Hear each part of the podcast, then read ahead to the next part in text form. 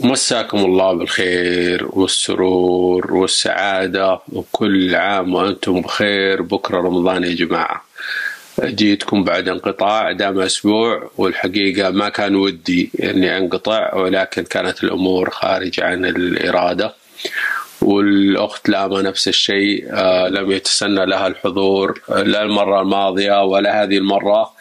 ولكن إن شاء الله راح تكون معنا كل آه، في كل حلقات شهر رمضان المبارك. آه على كل آه هذه الحلقة هذه الحلقة أمرها مختلف آه قليلا لأن إحنا تعودنا في الحلقات الماضية بأن يكون عندنا موضوع أو ضيف و نتكلم عن اللي طرحه ونناقش اللي قدمه ونتفق معاه بعض النقاط ونختلف معاه وإلى آخره. هذه المرة راح تكون شوي مختلفة مو بس لأن الامام مش هنا ومش بس لأن بكرة رمضان الكريم وأنا بصراحة مرة مبسوط ان بكرة رمضان. آه هذه الحلقة راح تكون مختلفة لأن راح أقدم مادة من أو محتوى درافتد آه معمول مني أنا. هذا مقال يا طويلي الأعمار وأنا لما أقول طويلي الأعمار أقصد الكل ترى رجال ونساء. هذا مقال كتبته آه، في 10 مارس من أسبوعين تقريبا ونشر في صحيفة آه، مال الاقتصادية الإلكترونية. أنا كتبت المقال اليوم راح أشارككم المقال وإن شاء الله إن شاء الله راح نتناقش وراح أسمع آرائكم واعتراضاتكم وتأييدكم لبعض أو كل ما طرح في هذا المقال. آه بسم الله الرحمن الرحيم. آه نروح المقال وبعدين نسولف إن شاء الله تعالى. عنوان المقال واللي راح يكون اسفل رابط الحلقة بإذن الله تعالى. عنوان المقال كالتالي: ألم يحن وقت مساءلة المدراء التنفيذيين. يقول فيه الكاتب تظهر البيانات العامة لشركة أمازون بأن رئيسها التنفيذي جيف بيزوس استمر في الحصول على الدعم اللازم من قبل مستثمرين شركة أمازون لمدة تقارب العشر سنوات. خلالها كان السيد بيزوس مستمر في تحقيق النمو في مبيعات شركته الناشئة دون أن يتمكن من تحقيق الأرباح. طيب أنا أول شيء أبغى أرجع للعنوان ألم يحن وقت مساءلة المدراء التنفيذيين؟ مين اللي سائلهم وعن إيش يسائلهم آه هذه اللي إن شاء الله إن الكاتب يتطرق آه لها بشكل واضح في هذا المقال. وبعدين راح جيف بيزوس مؤسس شركة أمازون وتكلم عن تاريخ شركة أمازون على عجالة. طبعا للمعلومية وهذه معلومات ما ذكرت في المقال. أمازون أنشأت في عام 1994 ميلاديا وأول مرة تحقق أرباح في 2003 يعني امازون حققت أرباح بعد تسع سنوات من تاريخ آه، نشأتها. خلال تسع سنوات استمرت شركة امازون آه، بالنمو واستمر داعمينها بالدعم لأنهم كانوا على قناعة ومؤمنين بما كان يقدمه جيف بيزوس. طبعا للمعلومية اليوم امازون تبيع كل شيء، امازون في ذاك الوقت بدأت آه، في بيع الكتب.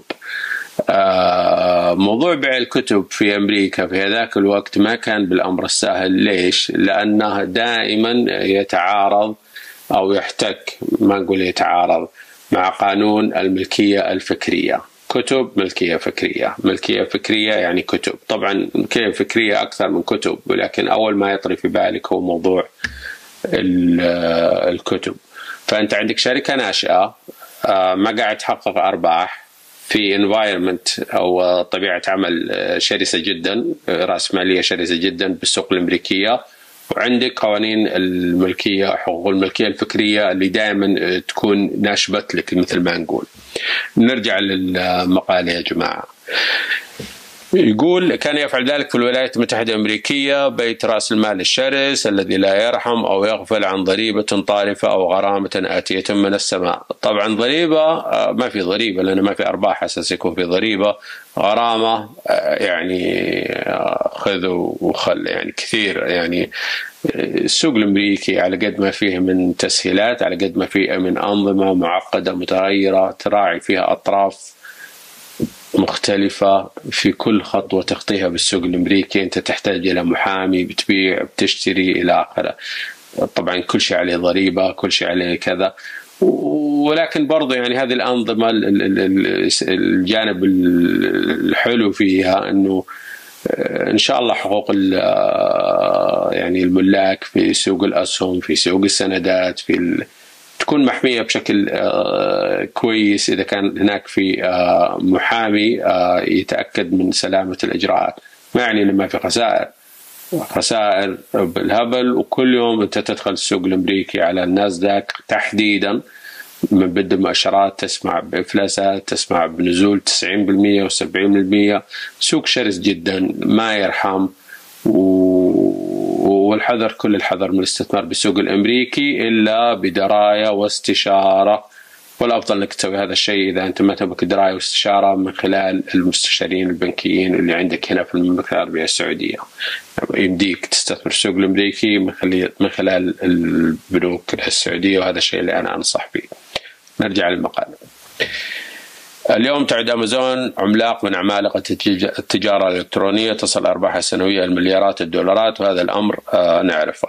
فجأة الكاتب انتقل من أمازون وأمريكا إلى التحدث عن دول الخليج. يقول لك في المقابل هنا في دول الخليج تحديدا هناك الكثير من الشركات التي تحصل على الدعم الاستثماري الحكومي والخاص. يعني شركات مدلعة عبر آليات متعددة. أبرزها الاستثمار المباشر من خلال اكتتابات الأسهم وكذلك أيضا استثمار الصناديق المختلطة. كثيرين سألوني إيش تقصد بالصناديق المختلطة. صناديق مختلطة زي صناديق التقاعد اللي يملكونها أفراد وتملكها الحكومة في نفس الوقت. أفراد وحكومة يملكون صندوق التقاعد كلهم يساهمون فيه. هذه الصناديق كثير من الأحيان تستثمر في شركات كثيرة ومن ضمنها الشركات المختلطة اللي يستثمر فيها القطاع الخاص والعام. يقول لك هذا بالإضافة إلى الأوجه المتعددة للدعم الحكومي الكريم. آه بعد ما تكلم عن أمازون وما ذكرنا عن أمازون اتجه لدول الخليج وقال لك أن في شركات يستثمرون فيها القطاع الخاص والعام. طيب يعني إيش المشكلة يستثمرون عشان يحصلون فلوس؟ يقول لك لا هذه الشركات تحصل على دعم حكومي كريم مثل أراضي بالمجان هذا من المقال. أراضي بالمجان إعفاءات بالجملة احتكار الخدمة إعادة جدول القروض وغيره من الامتيازات. طيب يعني يحظهم ممتاز الحمد لله الكل من يستفيد الشركة تستفيد المستثمرين يستفيدون. آه، يعني آه، أنا ما إلى الآن ماني شايف آه، وين المشكلة. هو ما في مشكلة في مقارنة الآن.